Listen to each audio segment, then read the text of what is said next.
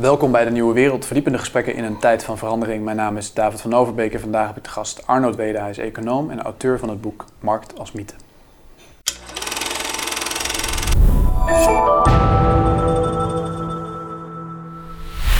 Dag Arnoud, goedemiddag. Goedemiddag. Jouw boek Markt als Mythe is uh, onlangs verschenen en uh, het gaat over het fenomeen van marktwerking en eigenlijk over het verhaal daarachter, als ik het uh, goed begrijp, hoe dat tot stand gekomen is, wat voor rol dat speelt, ook in ons handelen, in onze verbeelding. Um, het gaat ook over de verborgen geschiedenis van het neoliberalisme, de ondertitel van je boek, daar gaan we het zo nog uitgebreid over hebben. Maar misschien eerst even de vraag, um, waarom is zo'n onderzoek nou naar het fenomeen van marktwerking interessant uh, voor een econoom dat uit te pluizen waar dat vandaan komt? Ja, het is vooral interessant omdat het centraal staat in bijna alle economische theorieën.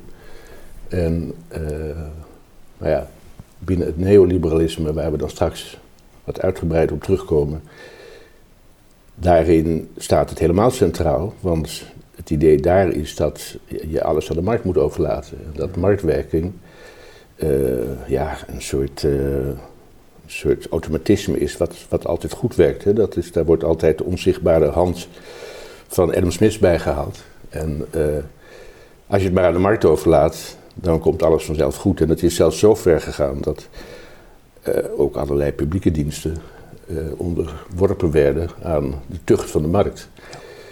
Dus marktwerking, ja, dat, dat, dat, dat is een veronderstelling dat dat dus een autonoom proces is wat, wat, wat uh, uh, heel, heel heilzaam werkt. Ja, en ik heb gedacht van dat wil ik toch wel eens nader onderzoeken. Ja. Want ja, het, het, wordt min of meer altijd verondersteld en iedereen heeft het over marktwerking. Maar wat is het? Nou ja, wat je, wat je dan tegenkomt, is dat de markt, nou ja, eigenlijk een mythe is. Het, het, is. het is een begrip het gaat als begrip gaat het een zelfstandig leven leiden.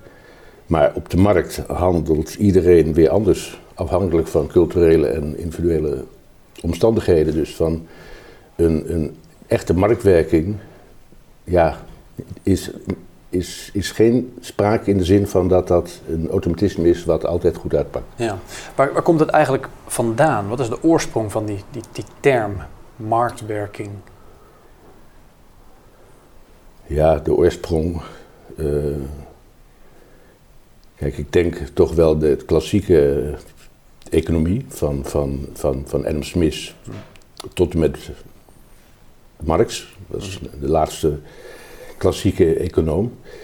En uh, ja, toen. Nou, het is eigenlijk is het. het, het, het, ik bedoel, het, het, het fenomeen was er toen al wel. Hè, ik noemde net de onzichtbare hand uh, onzichtbare hand van de markt. Dus, dus Adam Smith had het over ja, hoe dat toegaat op de markt.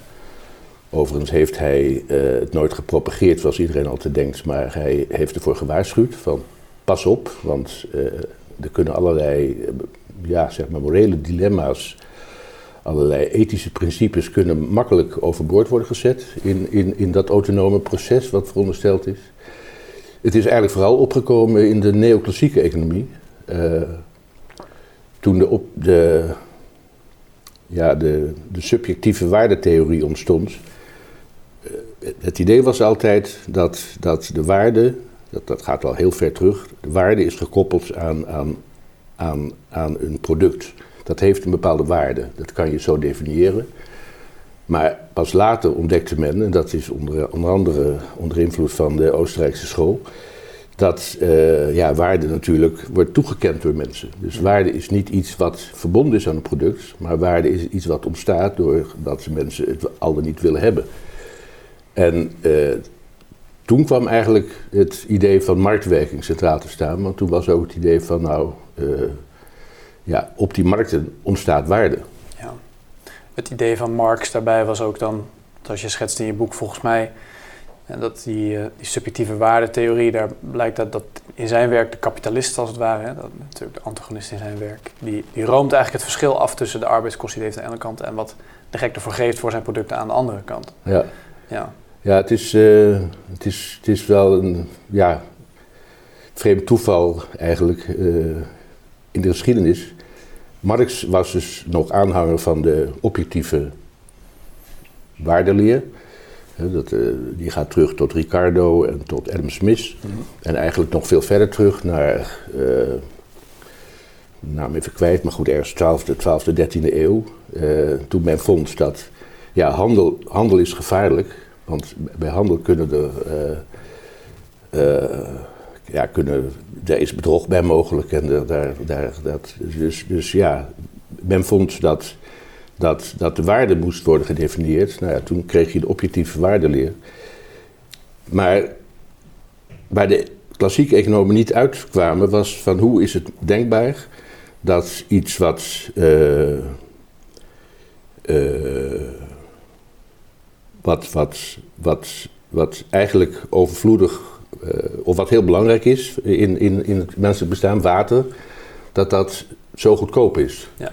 Terwijl voor een, uh, diamanten of voor juwelen worden vermogens neergelegd. Ja.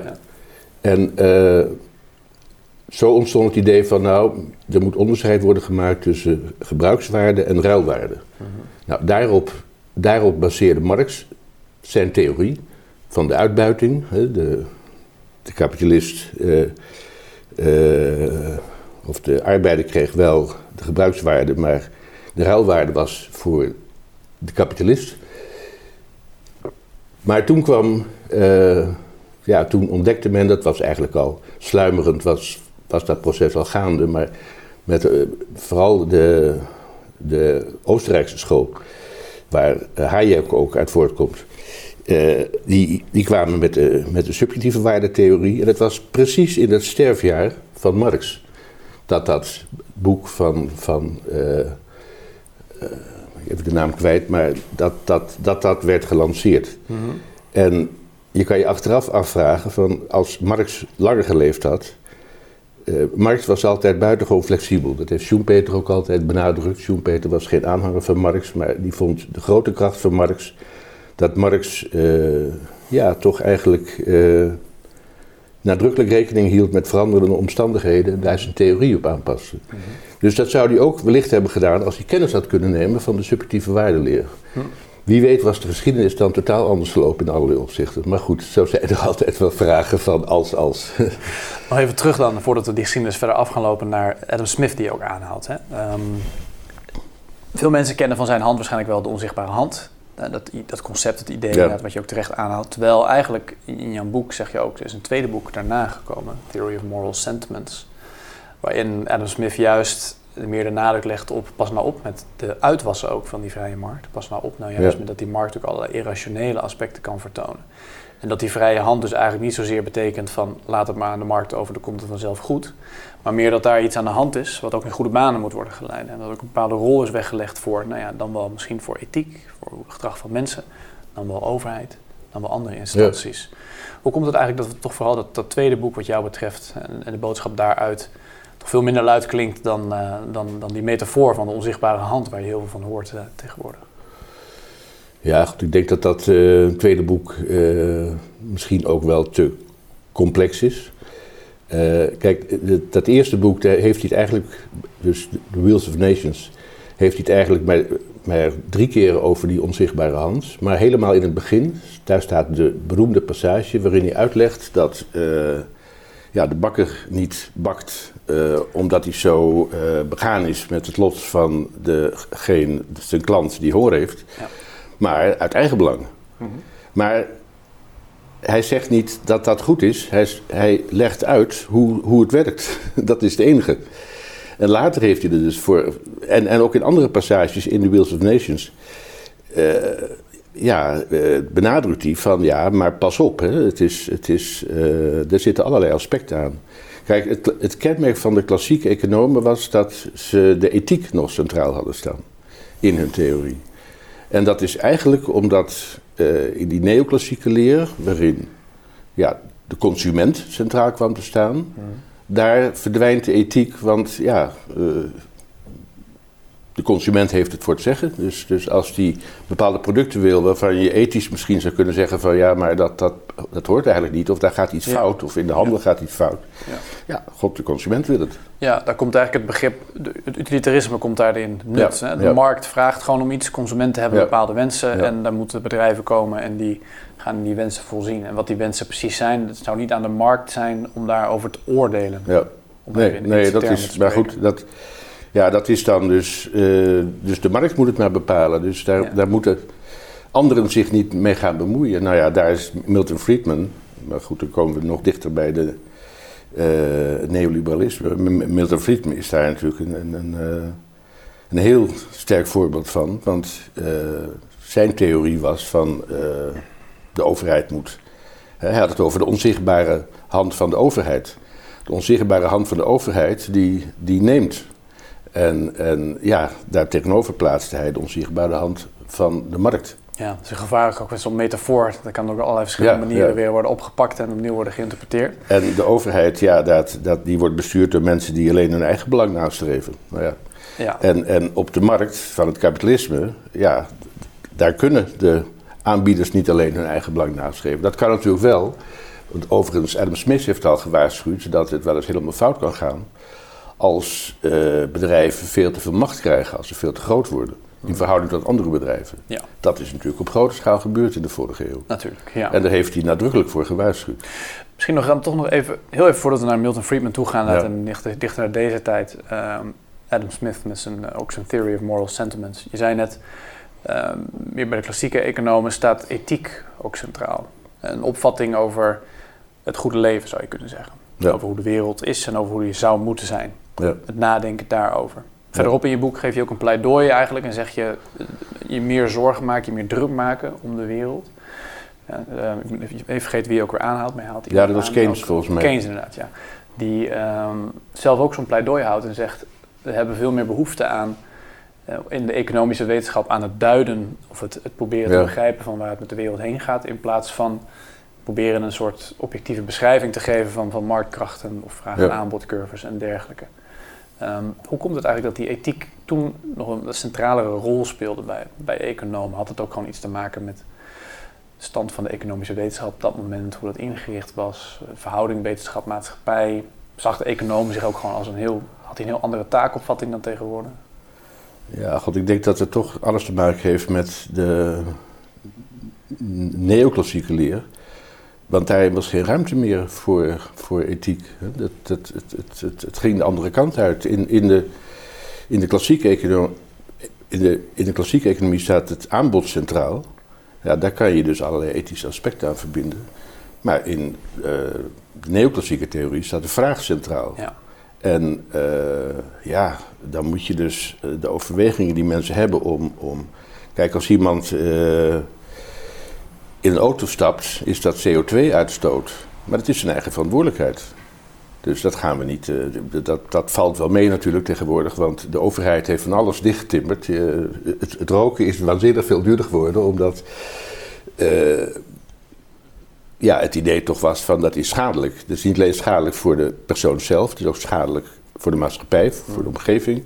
Het is ook schadelijk voor de gezondheidszorg, uh, want ja, daar wordt dus een heel groot beroep op gedaan dan. Dus, dus de overheid heeft wel ingegrepen, maar altijd, altijd marginaal. En het roken is ook nooit verboden. Mm -hmm. Maar ik probeer die, die overgang te begrijpen van in, in de economie, van dat, dat, dat, waarin ethiek een, best wel een, belangrijke rol speelt, maar een economie die zichzelf een beetje instrumenteel meer gaat zien. In de zin van, nou, de ethiek dat is niet aan ons. Of dat gaan, daar, gaat, daar gaat de samenleving over. Of dat bepaalt de markt uiteindelijk. Hoe nou, vindt die overgang plaats? Ik denk dat, dat Marx daar een hele belangrijke rol in heeft gespeeld. Niet, niet, niet bewust. Maar uh, kijk, men zag in uh, de op zichzelf logische theorie van Marx, van binnen die objectieve waardeleer dan. Binnen die context ja, was een theorie die stand kon houden. Maar toen werd geconstateerd dat, dat dus die, die, die, uh, die klassieke economie een hele, hele gevaarlijke kant kreeg. Want daarin stond centraal dat arbeid de bron is van welvaart. Hm. En uh, ja, als, als dan iemand gaat roepen van, oh, als arbeid de bron is van welvaart, dan komt die welvaart ook in hoge mate uh, ten goede van de arbeider. Ja, en, en, en, en daarop was het hele idee dat het, het, het, het werk van Marx staat bol van de ethiek wat dat betreft. Uh, ja, dat, dat werd toen wel gevaarlijk gevonden. En dat is dus, het is geen toeval dat, dat net in die tijd die subjectieve waardeleer opkwam. Want die sluimerde al. Dat is al vanaf. Uh, in Spanje is dat ook al gepropageerd in de, het eind van de middeleeuwen. Dus het, het was altijd wel een onderstroom. Mhm. Maar ja, als, als dan die uh, klassieke economie zulke gevaarlijke kanten krijgt, ja, dan, dan krijgt zo'n andere theorie krijgt dan de kans. Nou, zo is het eigenlijk later ook gegaan met Keynes en, en, en Milton Friedman. Ja, in veranderende omstandigheden. Ja, misschien wel de twee uh, grootste, in ieder geval publiekseconomen van de, de, de 20e eeuw. Komen we, misschien laten we die stap maar eens even zetten dan naar, naar, naar de ja. 20e eeuw toe. Um, Keynes, heel andere econoom dan Milton Friedman. Althans, keek op een hele andere manier daar. Maar ook kenden ook zekere raakvlakken met elkaar in de zin hoe bevlogen ze waren en begaan ze waren met de publieke zaak. En uh, hoe ze allebei verschillende opvattingen hadden, toch ook over wat het goede leven is. Belangrijkste observatie die ik daar misschien altijd wel bij zie is bij Keynes.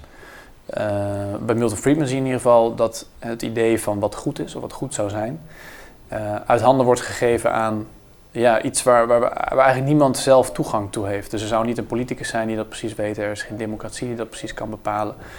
Kortom, je laat het over aan de markt. Je laat er zekere spontaniteit over daarin. En een zeker zelforganiserend vermogen. En ik denk dat dat soort, als ik ook bij mezelf nadenk, in jouw boek lezend over de markt als mythe, merk ik ook dat ehm, die begrippen uh, heel erg uh, oplichten. Ja, dus het is, markt hangt samen met iets van zelforganisatie. Het is iets wat van nature eh, ontstaat als mensen met elkaar gaan handelen en, en bedrijvigheid ontstaat en dergelijke. Terwijl eigenlijk zeg je ook, dat is, eigenlijk is dat onderdeel van die mythe. Ja. Het, het, het is al, het is meer een soort uh, oppervlakteverschijnsel. Iets wat je van de buitenkant ziet en waarvan we maar over blijven praten, maar wat ook een heel abstract begrip is. En wat eigenlijk, een, als je erover na gaat denken, heel weinig inhoud heeft. Ja.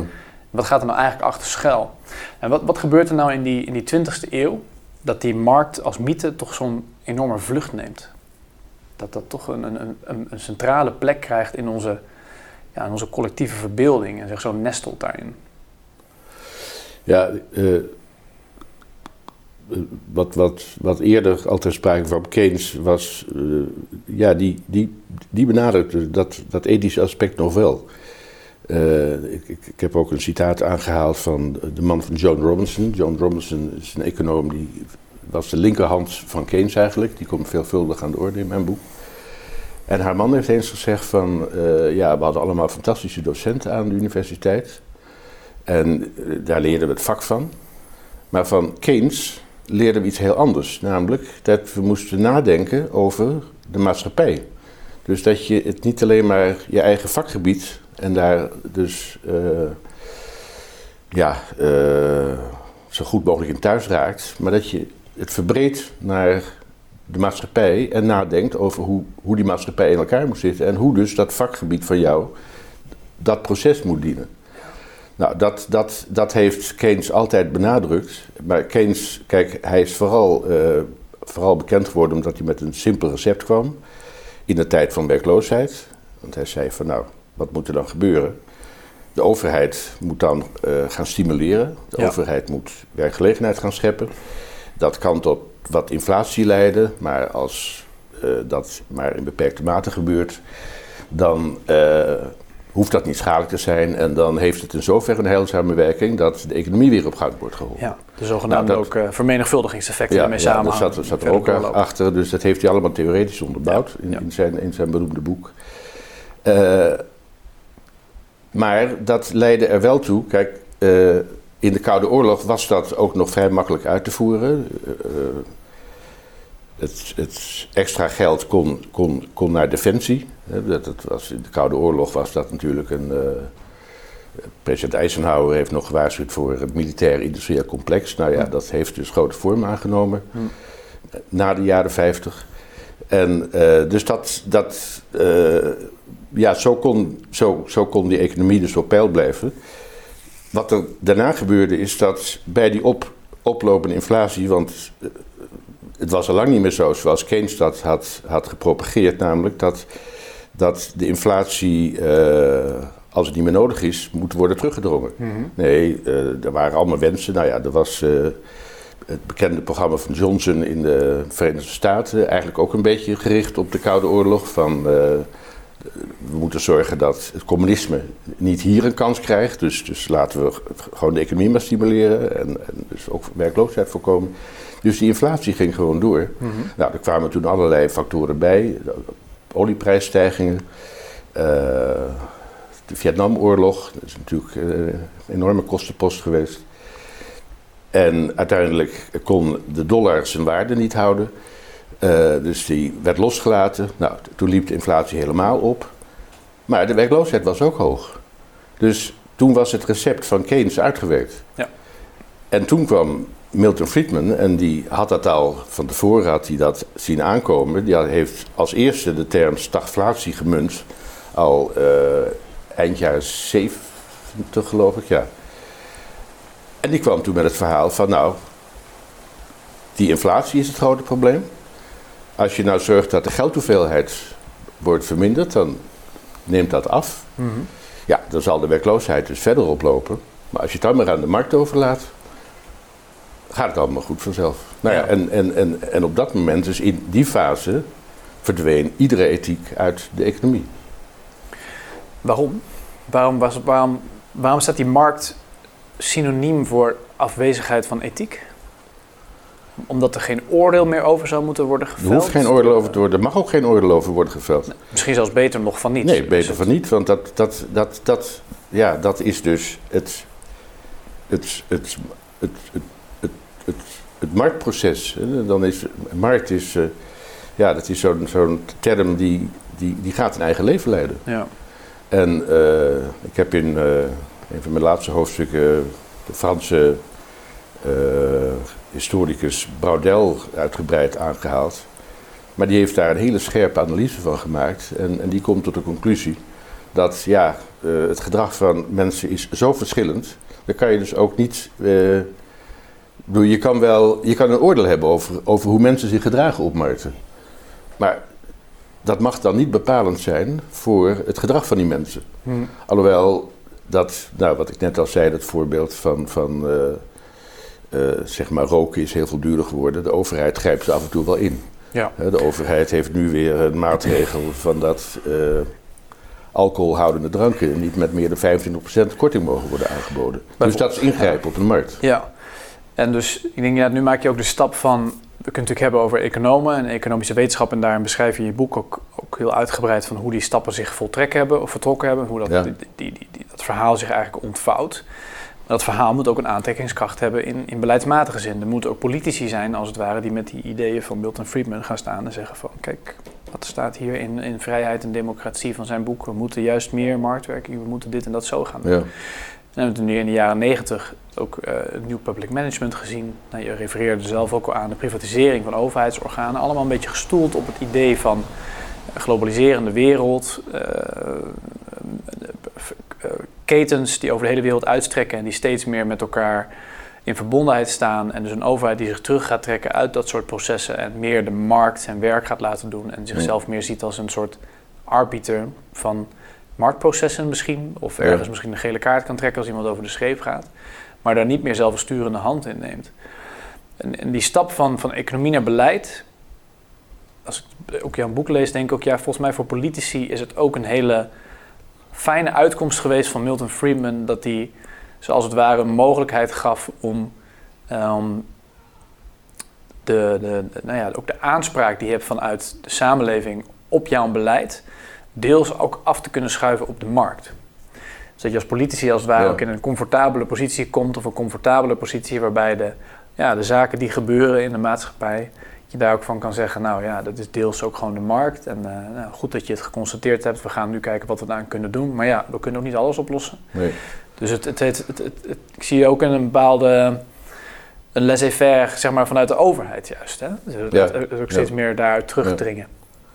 Nou ja, wat ik, wat ik in mijn boek ook benadruk is dat die, die, die opkomst van het neo, neoliberalisme van Milton Friedman, dat, dat, ja, dat speelt niet een zelfstandige rol. Het is, uh, kijk, in, in uh, 79, 80 kwamen uh, in Amerika Ronald Reagan en Engeland Margaret Thatcher aan. En, en, en dat, dat, dat was in, nou met name in Engeland in, in, in, een, in een periode dat, dat de vakbonden heel veel invloed hadden. En zowel Reagan als Thatcher die uh, pakten dat vooral aan. Die probeerden dus die, die, die invloed van die, van, die, van die vakbonden tegen te gaan. Mhm. Ja, dat was onderdeel van een conservatieve revolutie, zoals het wel is genoemd. Ja, en dan is daar opeens zo'n theorie. Ja, die, die, je hebt daar ook een verhaal bij nodig. En, en uh, nou ja, dit, dit is een verhaal wat precies daarin past. Dus het is niet eerst het verhaal en oh, dan gaan mensen daarna handelen. Nee, er was al een proces gaande in de maatschappij. En ja, daar past zo'n verhaal in. En Milton Friedman, ja, eigenlijk net als Keynes, dat is een overeenkomst met Keynes, die voelde dat feilloos aan. Die voelde precies aan van uh, hoe hij zijn verhaal uh, passend kon maken voor, nou ja, voor die nieuwe conservatieve revolutie eigenlijk van Reagan en van Thatcher. Hm. En uh, ja, hij had een column in Newsweek. En ja, goed, hij, hij, hij, speelde dat, zoals ik in mijn boek zeg, hij speelde dat over de band van het publiek. Hij benaderde niet rechtstreeks Reagan. En Thatcher was natuurlijk aan de andere kant van de oceaan een beetje te ver. Maar uh, ja, hij had invloed op het publiek. En, en dat versterkt elkaar weer in dat proces. Ja. ja, dat is een heel interessant facet, denk ik, wat je ook aansnijdt van, van hoe economische theorieën, dat klinkt vaak natuurlijk ook heel abstract, alsof dat wordt bedacht door economen die ergens in een ivoren toren in de universiteit zitten. Maar vaak speelt er al natuurlijk wat in de maatschappij. Ja. En ik denk wat je ook terecht aankaart in je boek, is dat het, het verhalende karakter van dat soort of nou om beleid gaat of nieuwe ideeën of uh, beleidsmaatregelen en dergelijke. Er zit een heel sterk verhalend karakter in. En soms dan verschijnt dat ook gewoon opeens, als het ware. Dan is er zo'n Milton Friedman, 50 jaar geleden dan toen, en die ineens, uh, toen dat recept van Keynes uitwerkte, om even jouw woord te spreken, ja. dat idee in de maatschappij zag zich voor allerlei problemen gesteld, uh, stagflatie, enorme werkloosheid die kwam met dat idee wat daar als het ware ja, een richting aangaf en een, nieuwe, een nieuw perspectief bood. Ja. Dat zou je natuurlijk ook kunnen verplaatsen naar deze tijd. En ik denk in, in dat opzicht is die term neoliberalisme zou nog even iets meer in kunnen duiken. Daar hoor je natuurlijk nu heel veel over. Het wordt eigenlijk vaak veel gebruikt als een pejoratief. Iemand zou een neoliberaal zijn of dit is neoliberaal beleid. Eigenaardig is dat eigenlijk niemand is die zichzelf een neoliberaal noemt. En dat altijd meer een soort verwijt is van, van tegenstander. Misschien eerst maar eens even uh, scherp hebben wat dat, dat neoliberalisme nou precies is. We hebben het ook al genoemd vanuit Milton Friedman als een soort vader, zou je ervan kunnen zeggen, een founding father. Maar waar, waar, bestaat dat nog meer uit, dat idee, dat verhaal van het neoliberalisme? Welke gelo geloofsovertuigingen zitten daarin? Als het ja, ik denk dat de echte founding father, dat is uh, uh, Hayek, Friedrich ja, Hayek. Tuurlijk, ja. die, die, heeft, die is eigenlijk vanuit de ervaring die hij had in Oostenrijk na de Eerste Wereldoorlog, is hij dat project gestart. Wat er na de Eerste Wereldoorlog gebeurde, was nou ja, in eerste instantie een, een, een, een hyperinflatie. Dat, is, dat proces is eh, heel indringend beschreven door Stefan Zweig toen hij, uh, hij schreef in zijn boek De Wereld van Gisteren. Toen hij terugkwam na de, na de Eerste Wereldoorlog, dus in de vrede in Oostenrijk, toen dacht hij dat hij weer terugkwam in de oorlog. Alleen dit was geen oorlog op verre fronten, maar een oorlog op straat. Hm. Uh, aan het eind van de dag was het, was, was het leven drie, vier keer zo duur. Moet je me eens voorstellen, dat gaat dagenlang zo door. Nou, het was een, een, was een gekkenhuis. Ja, en daar komen dus allerlei, uh, allerlei uh, aparte ideologieën komen daaruit voort. het, het, het idee in dat proces van de jaren twintig was dat het kapitalisme aan de ene kant leidt tot het communisme, want dat zag men gebeuren, Sovjet-Unie, eind eh, 1917 was dat geloof ik. Een felle reactie daarop eigenlijk. En dus eigenlijk een reactie op het kapitalisme, maar aan de andere kant zag men het kapitalisme ontaarden in, in fascisme. Hm. zoals in Duitsland, Italië. Ja, daar zaten, zaten die Oostenrijkers zaten daar dus eigenlijk middenin in dat proces. Dus die, die, die hadden iets van, nou, we moeten zorgen. Nou, en, en, en toen Hayek vervolgens uh, emigreerde naar, de, naar, naar, Engeland, zag je dat daar ook weer centrale planning werd gepropageerd, naar het voorbeeld van de Sovjet-Unie. Dus hij dacht, ja, uh, de westerse wereld gaat, gaat die kant uit. Ofwel de ene kant communisme of de andere kant fascisme. Maar het, het gaat op deze manier helemaal fout. Dus eigenlijk is het neo, neo, neoliberalisme, zo werd het aanvankelijk niet genoemd, maar uh, het, het, idee, het, het, was een project van intellectuelen die bij elkaar kwamen op een berg in Zwitserland. En die dachten, we moeten een uitweg zoeken. We moeten we moeten zorgen dat, dat, dat er een derde weg is. Dat er, we moeten terug naar het liberalisme. Maar dan niet het uh, domweg laissez-faire, zo van laat het maar over aan de markt. Dus, dus, dus er moet een nieuw soort liberalisme komen. En Hayek vond het heel belangrijk dat daar een sociale filosofie aan werd gekoppeld. Daar heeft hij zelf ook nog een groot werk over geschreven. Mm -hmm. uh, nou ja, die groep kwam eens in de zoveel tijd, één keer per jaar geloof ik of zo, kwam die bijeen ergens. En ze ook, ze ook nog in Bloemendaal geweest in Nederland. In 1950 was dat, meen ik.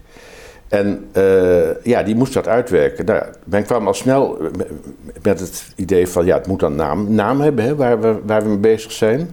Nou, toen is er van alles geopperd. Onder andere progressief liberalisme, dat was ook nog een optie. Maar uiteindelijk, uh, bij iedere benaming was er weer een groep in die, die, die had daar problemen mee. Die, die, die vond dat geen goede, geen, geen goede dekmantel. En uiteindelijk de term neoliberalisme bleef hangen, omdat eigenlijk niemand daar overwegende bezwaren tegen had. Hm. Dus vanaf dat moment heet het neoliberalisme. En het begrip neo, ja, hield toch een beetje de belofte in dat het niet alleen maar het liberalisme zou zijn van de 19e eeuw. Dus dat het meer zou zijn. Maar wat het meer zou zijn, ja, dat was uh, volstrekt onduidelijk. Daar kwamen ze zelf ook niet uit. kwamen ze zelf niet uit. Daar had Hayek had daar nadrukkelijke ideeën over. Nou, die heeft dat va vastgelegd in, in, in een van zijn boeken. Maar goed, dat was ook weer een dikke pil, net zoals de Theory of Moral Sentiments van, van Adam Smith. Dus ja, dat, dat, dat was niet praktisch, geen praktische leidraad. Dus, dus, en, en bovendien waren de, waren de, de, verschillen binnen die groep zo groot dat, dat, ja, dat het altijd weer op weerstand stuitte. Mm. En uiteindelijk uh, haakte steeds meer, want het was nadrukkelijk, in, uh, Hayek had ervoor gezorgd dat het een multidisciplinair gezelschap was. Dus er zaten niet alleen maar economen, maar ook uh, filosofen, sociologen, psychologen, mensen uit, zeg maar, het hoek van andere menswetenschappen. Ja.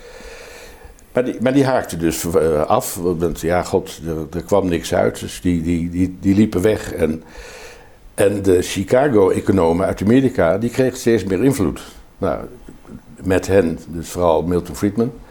En er was, zat een fonds achter, uh, wat, wat dat subsidieerde. Dus ja, daar kwam een enorme, enorme druk eigenlijk uit de Verenigde Staten. En toen verloor Hayek ook zijn belangstelling.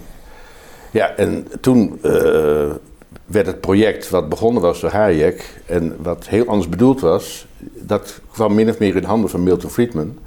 En uh, Hayek heeft altijd gewaarschuwd, je moet niet uh, uh, activistisch bezig gaan in de politiek. Dus vanuit deze bewegingen. Er moet eerst moet een goed fundament zijn. Maar dat heeft Milton Friedman juist wel gedaan. Die is dus gelijk heeft hij. ja, en dat sloeg aan. Dat was heel bevlogen. Ja. ja. Ook politiek. En, en er, er, is een prachtig citaat, vind ik, van, dat heb ik ook aangehaald in mijn boek van, van een collega van uh, Milton Friedman. Die zegt: Als ik over één ding even zeker zou zijn als, hij, als, als, als Friedman dat is over alles, dan zou ik al heel blij zijn. ja, ja, precies. Dus Milton Friedman neemt eigenlijk dat idee, die club, onder andere Hayek, die over dat neoliberalisme aan het nadenken zijn, neemt hij, die, die verpakt dat. Maar die geeft het ook eigenlijk niet die, die boodschap die Hayek al meegeeft aan het begin. Van het is neoliberalisme betekent niet alleen maar laissez-faire, want daar zag hij die gevaren uit uitkomen. Aan de ene kant het fascisme, communisme in zijn, in zijn tijd. Uh, wat was het dan, wat was het dan wel wat Hayek, waar was Hayek zeg maar waar stond hij zelf achter? Wat hij wel belangrijk vond, wat, wat de rol van een. Hayek, ja. Hayek zou je kunnen zien als de grondlegger van de complexiteitseconomie. Van uh, ja, gewoon dat je. Uh, waar Friedman alles, alles, alles versimpelde. En, en ook zijn hele recept, wat wel aanslaat bij politici natuurlijk. Had Hayek juist het verhaal van nou, de maatschappij en de economie, maar de hele maatschappij is veel te complex voor een simpele theorie. En, en, uh, en die modellen die wij gebruiken, ja, die zijn uh, gebaseerd op uh, statisch materiaal. Dus dat is een soort interpretatie van, nou, de dingen herhalen zich, maar zo gaat het niet in onze maatschappij. Dus die modellen zijn maar heel beperkt van waarde. En uh, ja, de wiskunde was in die tijd nog niet zo ver gevorderd dat je daar dus dynamische modellen van zou kunnen maken. En Hayek heeft heel erg benadrukt dat, ja, dat, dat dus vooral de complexiteit van onze maatschappij in het centrum moet komen te staan. Ja. Heeft zelf Milton Friedman dan ook tegen Hayek hebben gezegd, bijvoorbeeld, uh, ja, het is allemaal leuk wat jij bedenkt en die dikke boeken die je schrijft en de complexiteit die je duidt, maar ja, als we niks kunnen zeggen, kunnen we ook iets, als we geen uitspraak kunnen doen over de economie, wat zijn we dan eigenlijk aan het doen? Dus Milton Friedman die zou misschien zeggen, je bent misschien te terughoudend of je bent te, te, te bescheiden. Er moet ook wel iets, er moet wel iets komen. Ja. politicus moet wel beleid kunnen voeren. Dat moet wel uiteindelijk, en dat, dat kan niet alleen maar heel complex zijn. Dat moet ook misschien een bepaalde aantrekkingskracht hebben. Uh, ja, Friedman uh, heeft toegegeven aan het eind van zijn leven, in, in, in zijn memoires geloof ik, ja, dat, dat economen, uh, hij zelf voorop, hun eigen waarde voorop plaatsen. En dus hij had een idee van, nou, ja, zo zou het moeten gaan. Zo, zo, zo, zo zit het helemaal goed in elkaar. Mhm. En uh, ja, dat, dat is natuurlijk. Uh, uh, dat is een beetje de kern van de zaak. Dat, dat je dus op die manier. nou, ik ben even, even de, de context kwijt, maar. Uh, dus dat je, ik denk wat bij Friedrich, uh, bij Milton Friedman heel erg gebeurde, is dat hij zich politiek roerde. En dus ook dingen versimpelde inderdaad. En wat hij dus ook aangaf in zijn biografie, is dat hij er eigenlijk achteraf, als hij op terugkijkt, dat hij ook ziet, um, nou ja, dat, onder andere dit, en wat voor simplificaties economen ook soms kunnen vallen. Maar eigenlijk nu wij het hier ook daarover hebben, besef ik me ook opeens um, dat, we het altijd, dat we het in de economie ook hebben over personen, over bepaalde mensen. Terwijl eigenlijk hebben we het ook over de economische wetenschap. Dan kijk je naar de beta-wetenschappen bijvoorbeeld. Dan heb je daar natuurlijk ook bepaalde mensen die bepaalde ideeën aandragen wat dan ook.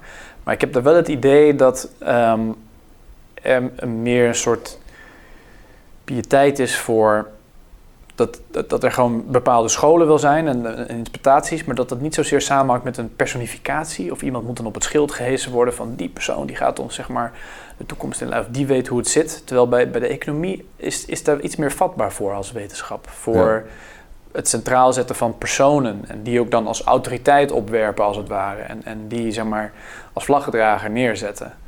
En dat vind ik nog wel verwonderlijk, dat, dat, zo, dat, dat, dat de economie daar gevoelig voor lijkt te zijn. Of zie ik dat verkeerd? Dat kan ook. Nou ja, uh, bij de uitreiking van, uh, van de Nobelprijs aan Hayek heeft, heeft, heeft hij dat met name benadrukt. Uh, in een toespraak bij het banket aan de, aan de vooravond. zei hij van, als men mij om advies had gevraagd van moet er een Nobelprijs voor economie komen, zou, zou ik negatief geadviseerd hebben. Want wat je altijd zal zien gebeuren is dat wat in de mode is, hè, iemand die dat vertegenwoordigt, die krijgt zo'n Nobelprijs. En hij zei in mijn geval uh, heeft dat comité wat de prijs toekent dat briljant uh, weten te vermijden. Want mijn theorie is absoluut niet in de mode. Ik ging helemaal tegen de mode in. Maar wat er vervolgens gebeurt, en, en dat was zijn, zijn, zijn tweede bezwaar. Wat er vervolgens gebeurt is dat door, de, door het publiek en door de politici wordt zo'n Nobelprijswinnaar gelijk op een voetstuk geplaatst. Ja. Die, die, dat, dat is, ja, hij heeft de Nobelprijs gewonnen. Dus dat, dat is, die heeft, die heeft, heeft waanzinnig veel gezag. En Hayek zei van natuurwetenschappers die, die corrigeren elkaar wel. Want die kunnen proeven doen en die kunnen aantonen dat iets wat een ander beweert niet juist is. Of die kunnen met een vernieuwing komen. Maar dat kan niet in de economie. Want we kunnen geen proeven doen in de economie. En uh, nou, toevallig is er net de Nobelprijs toegekend aan een Nederlandse econoom. Ja. Die dat probeert te omzeilen met een bepaald type proeven. Ja. Maar uh, verder is dat maar heel beperkt mogelijk, want ja, laboratoriumonderzoek in de economie, in de maatschappij, dat gaat niet. We kunnen niet eventjes uh, een heleboel mensen werkloos maken, andere mensen een goede baan geven en kijken hoe ze verschillend reageren daarop. Ja. Dus, dat, dat, dat, dat, dus, dus ja, zo'n zo'n econoom kan, kan, alles, kan alles beweren. En uh, Hayek zei dus van, hij, vindt, hij vond eigenlijk, dat, dat, dat was onderdeel van die toespraak toen, dat uh, ja, een, uh, een econoom die de Nobelprijs krijgt, dat hij een soort verklaring van nederigheid moet afleggen. Van dat hij nooit buiten zijn eigen vakgebied uitspraken zal doen die dan ook dezelfde status krijgen, omdat hij dus die Nobelprijs voor een klein gebiedje heeft gekregen. Ja, ik moet nou lachen, omdat dat, je, ziet natuurlijk veel bij economen, um, dat, dat ze inderdaad bepaalde autoriteit krijgen toegewezen. En dan, eh, dat, dat, ik snap inderdaad precies het sentiment wat, wat Hayek hier, hier schetst en, en dat gevoel dat je erbij hebt.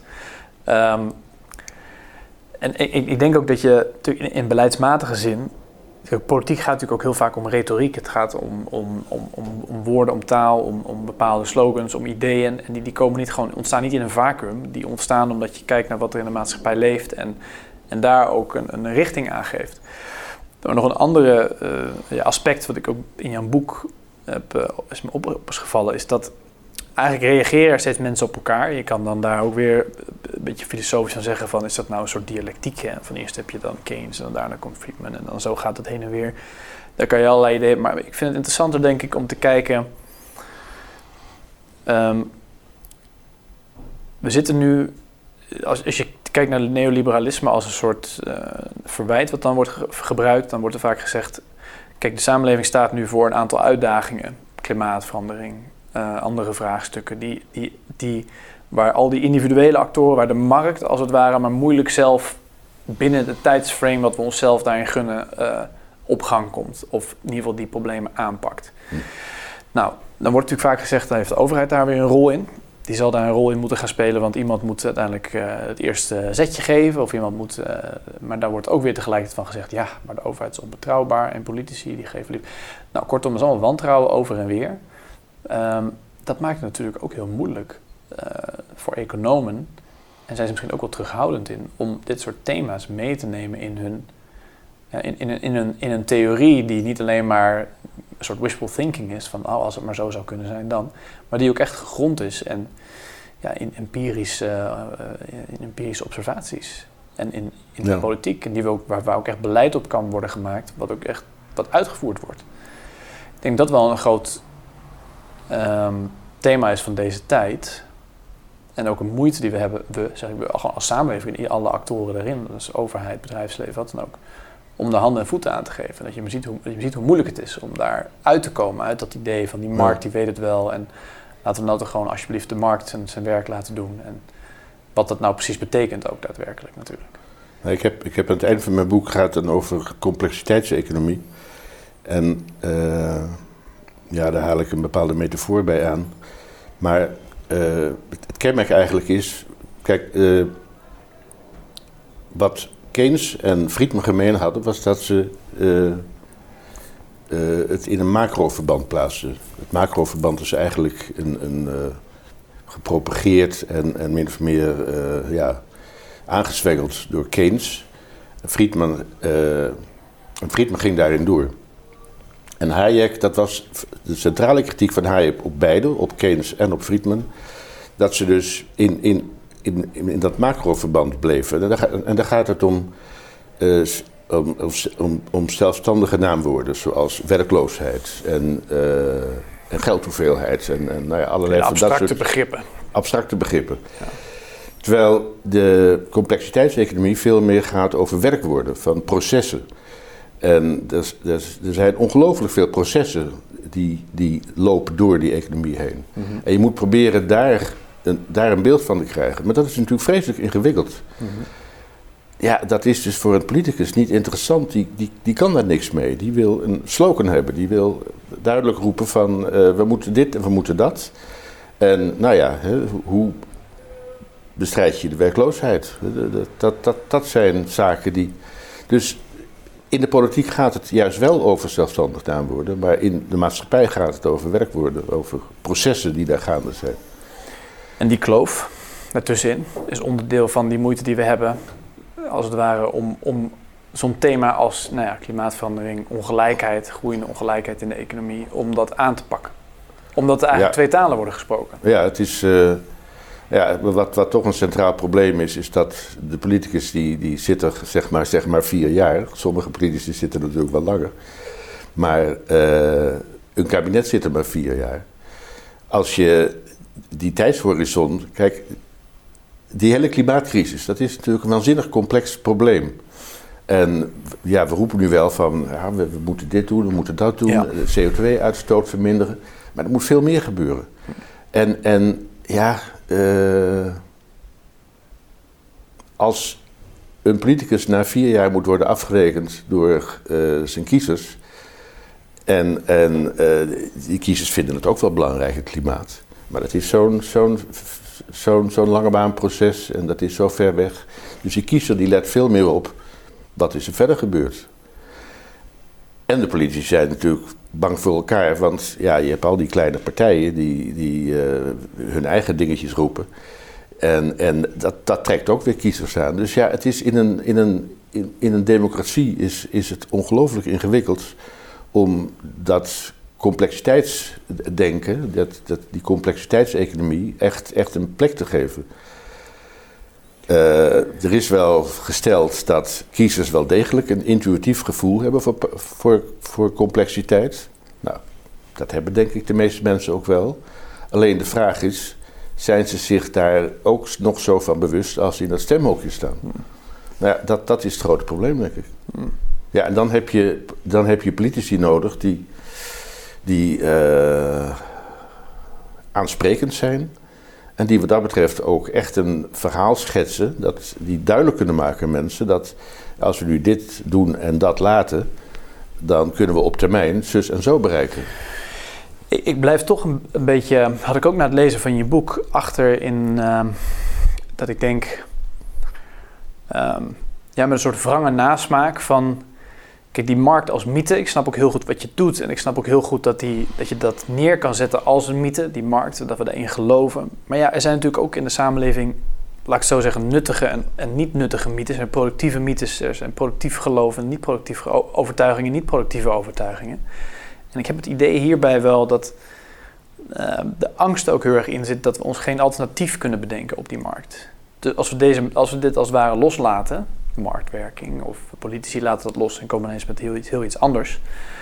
Dat, dat is er ook nog niet echt, dat heel iets anders. Je kan natuurlijk weer teruggrijpen naar een soort overheid die probeert weer een regie te voeren of wat dan ook. Maar daar zijn ook weer allemaal verhalen vanuit het verleden die, die daarop wijzen dat dat een slecht idee is en dat je er gewoon terughouden mee moet zijn.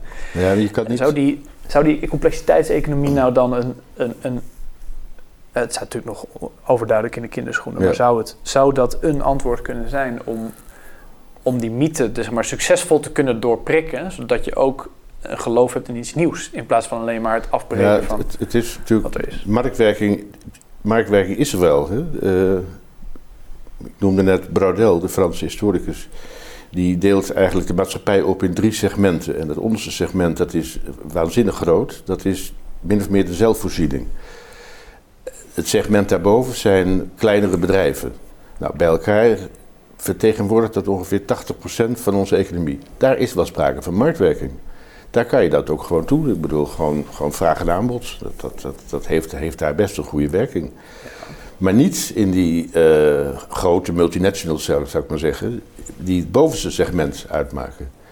En het, het, het, het probleem is eigenlijk geweest uh, met, met dat neoliberalisme, met, met zeg maar in de variant van Friedman dat uh, dat concept van marktwerking op de hele economie is losgelaten. Mhm. En dat het ging zelfs zo ver dat ook allerlei publieksvoorziening uh, aan marktwerking moest worden onderworpen. Dus niet alleen maar dat, uh, dat je de multinationals vrij moet laten gaan, maar dat je ook de overheid zeg maar, aan marktwerking.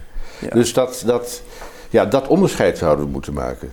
Dat maakt het op, aan de ene kant wel een stuk eenvoudiger, maar aan de andere kant uh, ja, blijft het natuurlijk heel ingewikkeld om, om, om dat deel van de economie waar die marktwerking dus helemaal geen, uh, geen positieve rol kan spelen, om, om, om daar iets anders voor te bedenken. En, en dan is het de vraag van, ja, moeten we terug naar het idee zoals dat dus toch eigenlijk de hele vorige eeuw uh, heeft gegolden van het is of overheid of het is markt. Ja.